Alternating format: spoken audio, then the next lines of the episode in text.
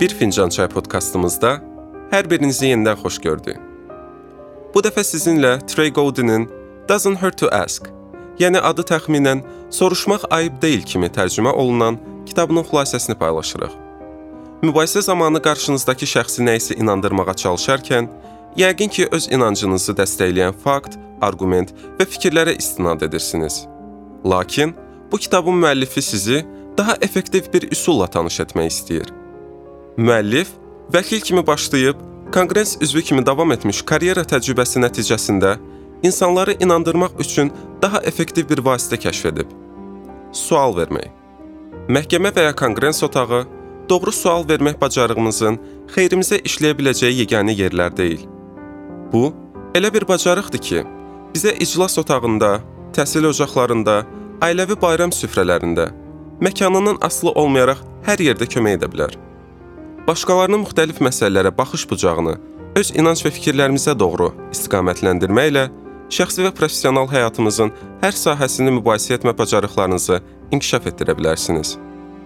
Kiminsə sizə iş yeri, borc və ya ikinci şans verməsini istəməyinizdən asılı olmayaraq, bu kitab sizə doğru anda doğru sual vermə bacarığının gücünü kəşf etməyə köməklik edəcək. Gəlin, indi bir fincan çayımızı süzək və bu tövsiyələr ilə yaxından tanış olaq. İnsanları inandırmaq bir incə sənətdir və suallar bu sənətin ən vacib alətləridir. Əvvəlcədən qeyd edək ki, bu mübahisələrdə qalib gəlmək və qarşı tərəfi hər dəfə viran etmək fikrindəsinizsə, bu podkast sizin üçün deyil. İnsanları inandırmaq deyərkən, onları məhv etməyi nəzərdə tutmuruq. İnandırma bacarığı qarşı tərəfi dinləməyi, onlarla ünsiyyətdə olmağı və öz inanclarımızı cəlbedici şəkildə müdafiə etməyi əhatə edir. Gəlin bir dəqiqə dayanaq və bunun üzərində düşünək. Axırıncı dəfə nə vaxt kiminsə sizi öz arqumentləri ilə dayanmadan bombardman etməsi nəticəsində fikrinizi dəyişmisiniz. Mübahisə zamanı həm söhbətlərimizə sual verməyin üstünlüyü odur ki, bu cür taktika qarşı tərəfi söhbətin mərkəzinə çevirir və onu özünü müdafiə vasitələrinə əl atmağa vadar etmədən doğru istiqamətə yönləndirir. Bunu müəllif real həyat təcrübəsindən bilir. Müəllifin hüquqla maraqlanmağa başlamasının səbəbi dostunun anası tərəfindən ona verilmiş bir neçə yaxşı sual olub. Həmin günə qədər müəllif orta məktəbi bitirdikdən sonra tikinti işinə başlamağı planlaşdırırdı. Lakin bir gün dostunun anası onunla gözlənilmədən bu barədə söhbət etməyə başlayır və ondan məktəbi bitirdikdən sonra nə etməyi planlaşdırdığını soruşur. Hər cavab yeni suala doğru aparır və söhbətin sonunda o artıq hüquqşünas olmaq istədiyinin fərqinə varır. Onun dostunun anası bu barədə öz şəxsi fikirlərini ifadə edərkən tək cümlə belə işlətmədi. Sadəcə olaraq müəllifin öz-özünü istiqamətləndirməsinə imkan yaratdı. Budur sual verməyin gücü. Lakin davam etməmişdən öncə gəlin bunu vurğulayaq ki, axmaq sual olduqca real bir anlayışdır. Bir dəfə məhkəmə zamanı şahidlərin biri şübhəli şəxsin əlində mavi çanta gördüyünü bildirdikdən sonra müəllif dərhal "Mavi çanta nə rəngdə idi?" deyə həmin şəxsə müraciət edir. Məhkəmə otağının bürüyən qəhqəhə səsləri axmaq sualların da mövcudluğunu təsdiq edir. Buna baxmayaraq əminliklə deyə bilərik ki, Axmaq iddiadansa axmaq sual yaxşıdır. Təsəvvür edin ki, bir nəfər sizdən Hamletin müəllifinin kim olduğunu soruşur. Bu sual sizin aranızda olan bilik fərqinin nə qədər böyük olduğunu üzə çıxarsa da, kiminsə Hamleti George Washington yazıb, kimi iddia irəli sürməsi kimi ikrah doğurmur. Debat zamanı kimə daha çox inanarsınız? Mövzu barədə biliksiz olan birinə, yoxsa yanlış biliklər olan birinə? Hədəflərini dəqiqləşdir faktlarını aydınlaşdır və qarşı tərəfi yaxşı tanı. Məhkəmə zamanı iddiaçı təqsirləndirilən şəxsin günahkar olduğunu tam şəkildə sübut etməlidir. Təqsirləndirilən şəxsin günahkar olması barədə cüzi şübhə olduğu halda belə heç bir məhkumiyyət cəzasından söhbət gedə bilməz. Real həyatda insanları nəyəsə 100% inandırmaq demək olar ki, qeyri-mümkündür. Söhbətin siyasət, biznes strategiyaları və ailə dəyərləri kimi şəxsi fikir və dəyərlərin mühakiməsinə əsaslanan mövzuları əhatə etdiyi hallarda bu fərziyyə özünü daha aydın şəkildə göstərir. Real həyatda insanları inandırmaq həm söhbətlərimizi daha mülayimcəsinə öz tərəfimizə çəkmək deməkdir. Bunun üçün siz hara getdiyinizi, ora necə çatacağınızı və həmsöhbətlərinizi də özünüzlə ora necə çatdıracağınızı bilməlisiniz. İnsanlarla mübahisə etməyə başlamamışdan öncə mübahisə vasitəsilə nəyə nail olmaq istədiyinizi dəqiqləşdirməlisiniz. Gördüyümüz kimi, kiminsə şəxsi fikirləri üzərinə tam qələbə çalmaq realistik hədəf deyil. Lakin insanların fikrini 30-50%-ə kimi dəyişmək əlçatan hədəfdir. Bu o deməkdir ki, qarşı tərəf artıq sizin baxış bucağınızı anlamağa başlayıb və artıq öz inanclarının bir hissəsini sorğulamaqdadır. Fikrinizi çatdırmaq üçün suallardan istifadə etmək istəyirsinizsə, faktlara əsaslanmalısınız. İnternet dövründə yaşadığımızı və tənqidi düşüncə bacarıqlarına malik olduğumuzu nəzərə alsaq, bu o qədər də çətin olmalı deyil. Sizin üzərinizə düşən yük məqsədinizin nə qədər böyük olmasından asılı olacaq. Məsələn, kiminsə sizin biznesinizə 10 min dollar sərmayə qoymağa inandırmaq, 100 dollar sərmayə qoymağa inandırmaqdan daha çox faktlara əsaslanan arqumentlər tələb edəcək. Arqumentlərinizi hansı şəkildə təqdim edəcəyiniz isə qarşı tərəfin məhkəmə masasında əyləşmiş 12 nəfər, bir neçə iş yoldaşınız və ya ailə üzvlərinizin olmasından asılı olaraq dəyişəcək. Suallar sizə onların inancının hansı mənbələrdən qaynaqlandığını öyrənməyə, bu da öz növbəsində sizə onlarla sözü gedən mövzu barəsində hansı tərzdə mübahisə edəcəyinizi seçməyə kömək edəcək. Sual verməklə siz həm də qarşı tərəfin sizin baxış bucağınız ilə tanış olmağa açıq olub-olmadığını əvvəlcədən müəyyənləşdirə bilərsiniz. Bu haqqda danışmağa hazırsınızmı? Kimi sadə bir sual lazımsız vaxt itkisinin qarşısını ala bilər. Fərqli situasiyalarda fərqli suallardan istifadə etmək daha məqsədə uyğundur. Gəlin müəllifin siyasətdə ədalət prinsipləri haqqında prezident Trampla apardığı müsahibə zamanı baş vermiş kiçik bir epizod haqqında sizə məlumat verək. Müəllif müsahibəyə sözü gedən məsələyə dair öz fikrini bildirməklə başlaya bilərdi. Bunun əvəzinə o, prezident Trampa Sizcə bizim məhkəmə qanunvericiliyimizin siyasi qanunvericiliyimizdən daha nüfuzlu olmasının səbəbi nədir? Deyə sual yönləndirir. Burada müəllif mövzu barədə öz fikrini bildirmədən iki sistemi müqayisə etdi. Bununla müsahibəni istədiyi tərəfə istiqamətləndirdi. Müəllif düzgün vaxtda doğru sual vermişdi. Burada sizə ötürməyə çalışdığımız əsas mesaj odur ki, müxtəlif suallar müxtəlif situasiyalarda fərqli dərəcədə effektivlik göstərir. Ümumiyyətlə sualları iki böyük kateqoriyaya ayırmaq olar: yumşaq və sərt. Yumşaq suallar adətən müəyyən bir arqumenti vurğulamağa xidmət etmədiyindən qarşı tərəfə daha geniş sahəni əhatə edən cavablar verməyə imkan verir. Onlar istiqamətləndirici funksiya daşımırlar. Yəni kim, nə, nə vaxt tipli sözlərlə başlayır və qarşı tərəfə cavablarını istənilən istiqamətə yönəltməyə imkan verirlər. Məsələn, nə səbəbdən seçkilərə namizədliyinizi irəli sürmək qərarına gəldiniz kimi sual xarakter etibarilə yumşaq və istiqamət verici olmayan sual nümunəsi ola bilər. Yumşaq suallar sizə müzakirənin gedişat yolunun xəritəsini tərtib etməyə kömək edəcək və arqumentin neytrallığını qoruyaraq sizin həm söhbətinizə göstərəcək ki, siz onun fikirlərini dinləməkdə maraqlısınız. Axırıncı dəfə nə vaxt otağını təmizləmisən? Kimi suallar vermək ev işləri haqqında ümumi müzakirəni başlatmaq üçün kifayət qədər mülayim üsuldur. Lakin gec və ya tez siz öz arqumentinizi dəstəkləyən və ya qarşı tərəfin arqumenti ilə ziddiyyət təşkil edən və onu yavaşladan suallar vermək istəyəcəksiniz. Daha sərt suallar məhz belə anlarda köməyə gəlir. Bu cür suallar diqqəti cavabdan daha çox sualın özünə fokuslandırır.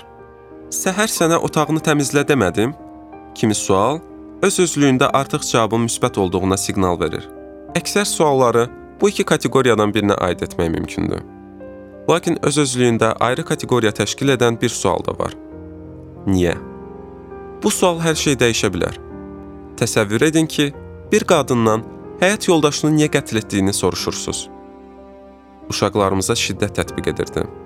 deyə cavab versəydi, buna reaksiyanız necə olardı? Bəs, çünki xorulduyurdu, deyə cavab versəydi, reaksiyanız necə olardı?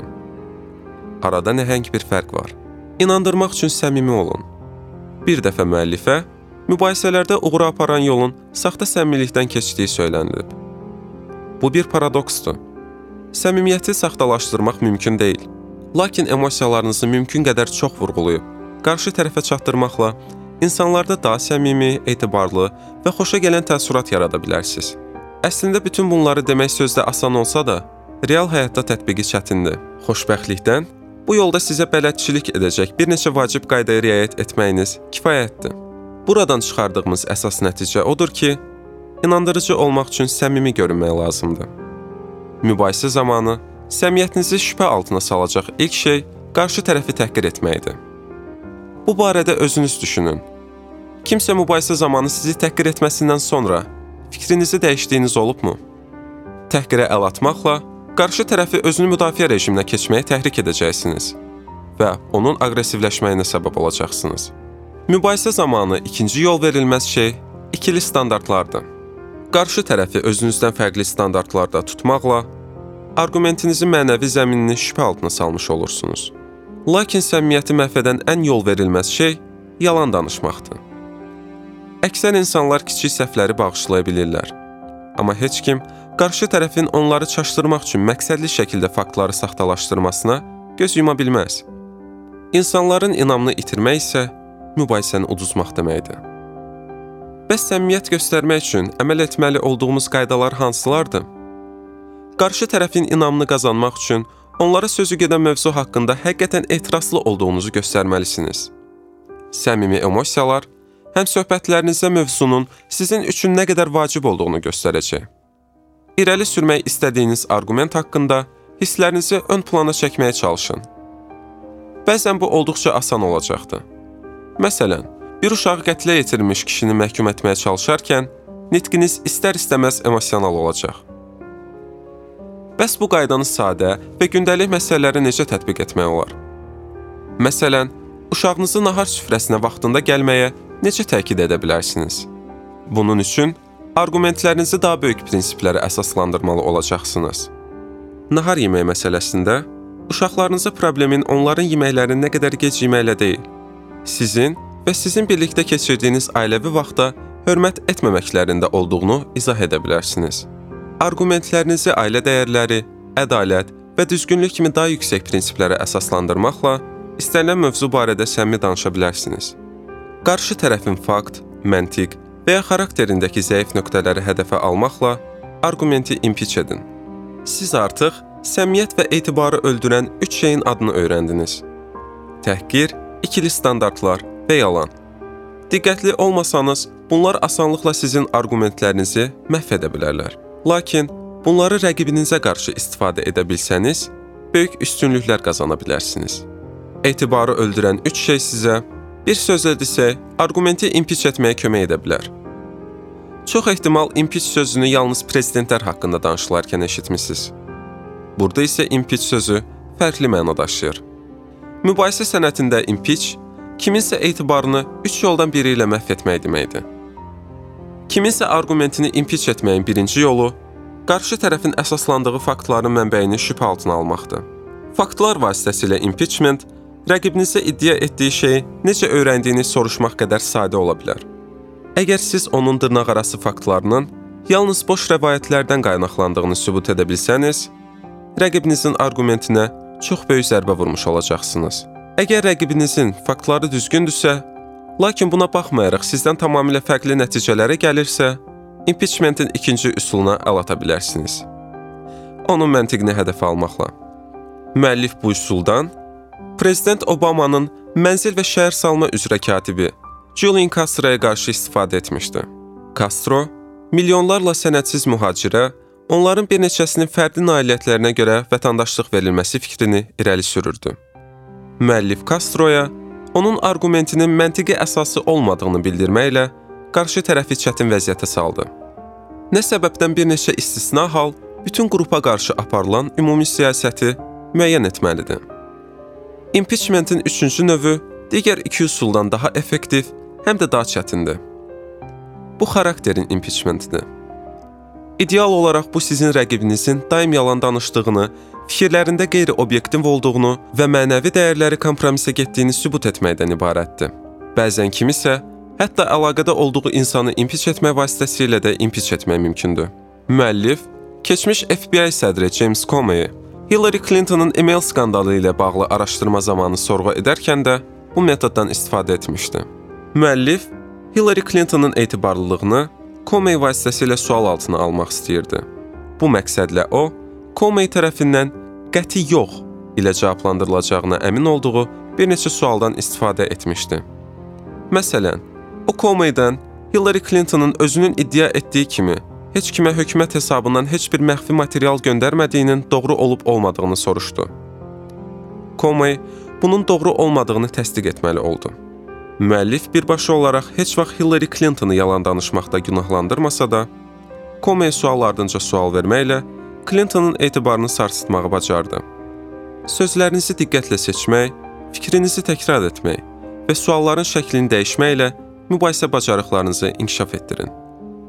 Bir dəfə qolf oyunu zamanı dostu müəllifə Hazırda Birləşmiş Ştatların beynəlxalq nüfuzunun prezident Obamanın dövrünə nisbətən daha çox olması ilə razısınızmı deyə sual verdi. Müəllif suala cavab verməyə əvəzinə dostundan işlətdiyi ifadələri aydınlaşdırmasını xahiş etdi. Burada beynəlxalq dedikdə nə nəzərdə tutursunuz? Daha nüfuzlu dedikdə nə nəzərdə tutursunuz? Çox vaxt insanlar açılışını verməyə hazır olmadıkları qeyri-dəqiq sözlərdən istifadə etməyə meyl edirlər. Bu səbəbdən də bəzən qarşı tərəfdən işlətdikləri kəlmələrin mənasını aydınlaşdırmağı xahiş etməklə onun arqumentində qüsurları üzə çıxarda bilərsiniz. Lakin yadınızda saxlayın ki, rəqibiniz də eyni üsuldan sizə qarşı istifadə edə bilər. Suallarınızı hücum əks atəşindən sığortalamaq üçün söz seçiminizə diqqət yetirməlisiniz. Suallarınız sadə və konkret olmalıdır. Hər kəs həmişə heç vaxt kimi böyük və ümumiləşdirici suallardan istifadə etmək çox hallarda yaxşı nəticə vermir. Bu cür sözlər heç vaxt ev işlərində kömək etmədiyimi iddia edirsən, kimi təksiblərə səbəb olur. Bu vəziyyətdə niyə qab yuyan maşınını boşaltmamısan? kimi sual daha uyğun və dəqiq sual olardı. Suallarınızı hazırladıkdan sonra təkrar vasitəsilə onu bir daha vurğulaya bilərsiniz. Özünüzü təkrarlamaq, yəqin ki, qazanmağa çalışdığınız ritorik bacarıqlar sırasında deyil. Lakin əslində buna daha çox can atmalısınız. Bir dəfə müəllif həyat yoldaşını bıçaqlayaraq qətlə yetirməkdə təqsirləndirilən şəxsi sorğuluyurdu. Müəllifin seçdiyi strategiya eyni sualın fərqli versiyalarını təkrarlamaq idi. Həyat yoldaşınız siz onu birinci dəfə bıçaqlayandan sonra nə dedi? Siz onu ikinci dəfə bıçaqlayandan sonra nə dedi? İstintaqın sonunda təqsirləndirilən şəxs həyat yoldaşınızı bıçaqlayanda ifadəsini artıq o qədər eşitmişdi ki, istər-istəməz özü cinayətdə günahkar olduğunu boynuna almışdı. Qarşı tərəfin arqumentini hədəfə almaqda çətinlik çəkirsinizsə, sualların şəklini dəyişdirib fərqli formaya sala bilərsiniz. Bu o deməkdir ki, arqumenti ifadə etmək üçün fərqli sözlərdən istifadə etməklə onu absurdluq dərəcəsinə kiçiltməlisiniz. Müəllif adətən məişət zorakılığı qurbanlarını müdafiə edərkən bu taktikadan istifadə edərdi. Məhkəmə zamanı müvəkkil niyə qadının ona qarşı edilən zorakılığa göz yumaraq yoldaşının yanına qayıtmasını soruşduqda, müəllif bu fikri ekstremallaşdıraraq soruşardı. Deyirsiz ki, zorakılığa məruz qalmasının günahkarı elə özüdür? Arqumentiniz uduzmaqdadırsa, mübahisənin istiqamətini dəyişin.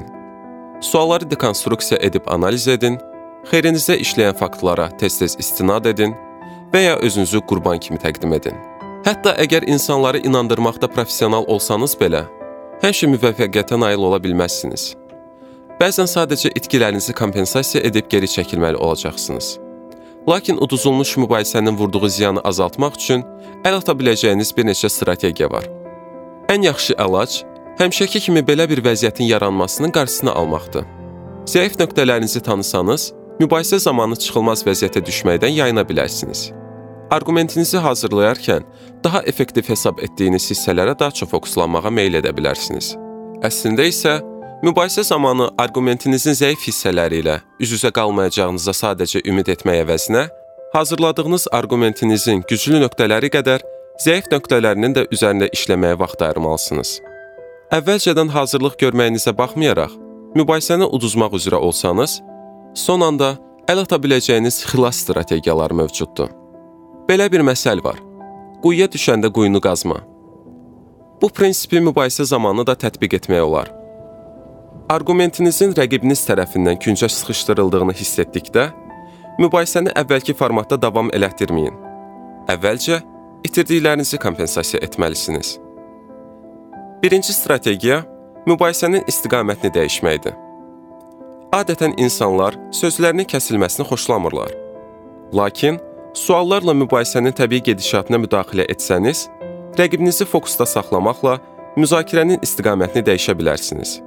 İkinci strategiya isə rəqibinizdən sizə qarşı irəli sürdüyü hər kiçik arqumenti analiz etməsini tələb etməkdir. Bu nəticəyə necə gəlmisiniz? Bunu hardan öyrənmisiniz? Tipli suallar qarşı tərəfi kifayət qədər yavaşladacaq. Üçüncü strategiya isə sizin xeyrinizə çox yaxşı işləyən arqument və ya faktın ətrafında dövr etmək və onu təkrarən vurğulamaqdır. Çətin vəziyyətdə son çıxış yolu kimi bu strategiyadan istifadə edə bilərsiniz. Bütün bu sadalananların xeyri olmasa, əl ata biləcəyiniz dördüncü strategiya var. Özünüzü qurban kimi təqdim etmək. Əlbəttə, bunun hörmətə layiq bir hərəkət olduğunu demək düzgün olmazdı. Lakin insanlar təbiətcə qurbanlara qarşı empatik olduqlarına görə bu olduqca effektiv bir üsuldur. Ağ Evin keçmiş spikeri Paul Ryan xəstələrin müdafiəsi və əlverişli baxım qanunu ətrafında gedən debat zamanı yaranmış fikir ayrılığı səbəbindən prezident Obama tərəfindən uşaqlara qarşı biganə olmaqda günahlandırılmışdı. Bu zaman o, özünü Obamanın ədalətsiz iddialarının qurbanı kimi təqdim etmiş və "Sizcə mən inanc və mənəvi dəyərlərim yanlış formada təhrif edildikdə özümü necə hiss edirəm?" kimi suallar vermişdi. İnsanları inandırma sənətində ustalaşmaq istəyirsinizsə, gözləntilərinizi düzgün təyin edin və yeni fikirlərə açıq olun. Müəllif müvəkkil kimi bir çox gəncləri işlə təmin edib. Lakin kimisə işə götürməmişdən əvvəl o, həmin şəxsin inandırma bacarıqlarını yoxlamaq üçün ona belə bir kiçik tapşırıq verərdi. Onlar müəllifi hər hansı bir filmə baxmaqda inandırmalı idilər. Asan səslənməsinə baxmayaraq, hətta cavan hüquq mütəxəssisləri belə çox vaxt bunda müvəffəqiyyətə nail olmazdılar. Lakin vaxt keçdikcə onların bu bacarıqları inkişaf edərdi. Artıq öz fikirlərinizi müdafiə etmək üçün bütün bacarıqları yiyələnmisiniz zaman və praktika ilə onları daha da mükəmməlləşdirəcəksiniz. Lakin yadda saxlamalı olduğunuz bir neçə şey var. Kimisə inandırmağa çalışmaq, qalibiyyət üzərində mübarizə aparmaq deyil, uğurlu ünsiyyətə can atmaq deməkdir. Və müvəffəqiyyət qazanmaq üçün gözləntilərinizi düzgün müəyyən etməlisiniz. Təkcə bir söhbət nəticəsində öz fikrinizi dəyişdiyiniz neçə dəfə olub? Yəqin ki, çox az. Bu daha-daha dərin və mübahisəli məsələlərə gəldikdə özün daha çox doğruldur. Buna görə də məqsədinizi dəqiqləşdirərkən ambisiyalara qapılmamağınızı məsləhət görmürük. Əgər belə etsəniz, uğursuzluğa düçar olacaqsınız. Məsəldə deyildiyi kimi, zorla gözəllik olmaz. İnsanları inandırmağa çalışarkən məqsədiniz onları dediyiniz hər şeylə razılaşdırmağa məcbur etmək olmamalıdır. Sizin məqsədiniz onları arqumentinizlə istiqamətləndirmək və öz nəticələrini çıxartmağa kömək etməkdir. Suallar qarşı tərəfi mülayimcəsinə doğru istiqamətə yönəltmək üçün əla vasitədir. Lakin nəticəyə çatmaq üçün son addımları qarşı tərəf özü atmalıdır və siz buna şərait yaratmalısınız. Bundan başqa yadınızda saxlamalısınız ki, hətta böyük auditoriyanın qarşısında çıxış etdiyiniz halda belə hər kəsin unikal dinləmə üsulu var. Həmişə dinləyici kütlənizin hər bir fərdinə ayrıca təsir etməyin yolları üzərində düşünün. Yadda saxlamalı olduğunuz sonuncu qayda da var. İnsanları öz fikirlərinizə inandırmaq üçün özünüz də yeni fikirlərə açıq olmalısınız. Bu sizdən yeni perspektivləri diqqətlə dinləmək və öz fikrinizlə ziddiyyət təşkil edən faktlarla üzləşdikdə inanclarınızda düzəliş etməyə hazır olmağı tələb edəcək. Özünüz əsaslı arqumentlərə əsaslanan yeni fikirlərə açıq deyilsinizsə, başqalarından da bunu tələb edə bilməzsiniz. Yekun xülasə Bu podkastdan nə öyrəndik? İnsanları inandırmağa gəldikdə, doğru anda doğru suallar vermək olduqca böyük rol oynaya bilər. Hədəflərinizi dəqiqləşdirib, sözü gedən arqumenta hansı faktların daha uyğun olduğunu dəqiqləşdirdikdən sonra və qarşı tərəfin şəxsi xüsusiyyətlərini diqqətlə analiz edib nəzərə aldıqdan sonra, doğru verilən suallar sizə mübahisə zamanı insanları müdafiə mexanizmlərinə üstün gəlməyə kömək edə bilər. Suallar sizə vacib məqamları təkrarən vurğulamağa, qarşı tərəfin arqumentində zəif nöqtələri üzə çıxarmağa və son olaraq mübahisə etdiyiniz şəxsin özü üçün sizin inancınızı təsdiqləyən nəticələr çıxarmağa imkan verir. Sonluq. Beləliklə, Soruşmaq ayıb deyil adlı podkastımızın sonuna gəldik. Ümidvarıq ki, bugünkü podkastımızdan maraqlı və faydalı məlumatları sizə çatdıra bildik. Bizi dinlədiyiniz üçün təşəkkür edirik. Podkastımız haqqında fikirlərinizi şərh bölməsində bildirməyi və kanalımıza abunə olmağı unutmayın. Gələcək podkast mövzuları üçün təkliflərinizi də gözləyirik. Sizin təkliflərinizi böyük məmnuniyyətlə səsləndirməyə hazırıq. Siz Bir Fincan Çay podkastına Ferrum Capital və City Finance-ın sponsorluğu və Milli Klubun təşkilatçılığı ilə qulaq astınız.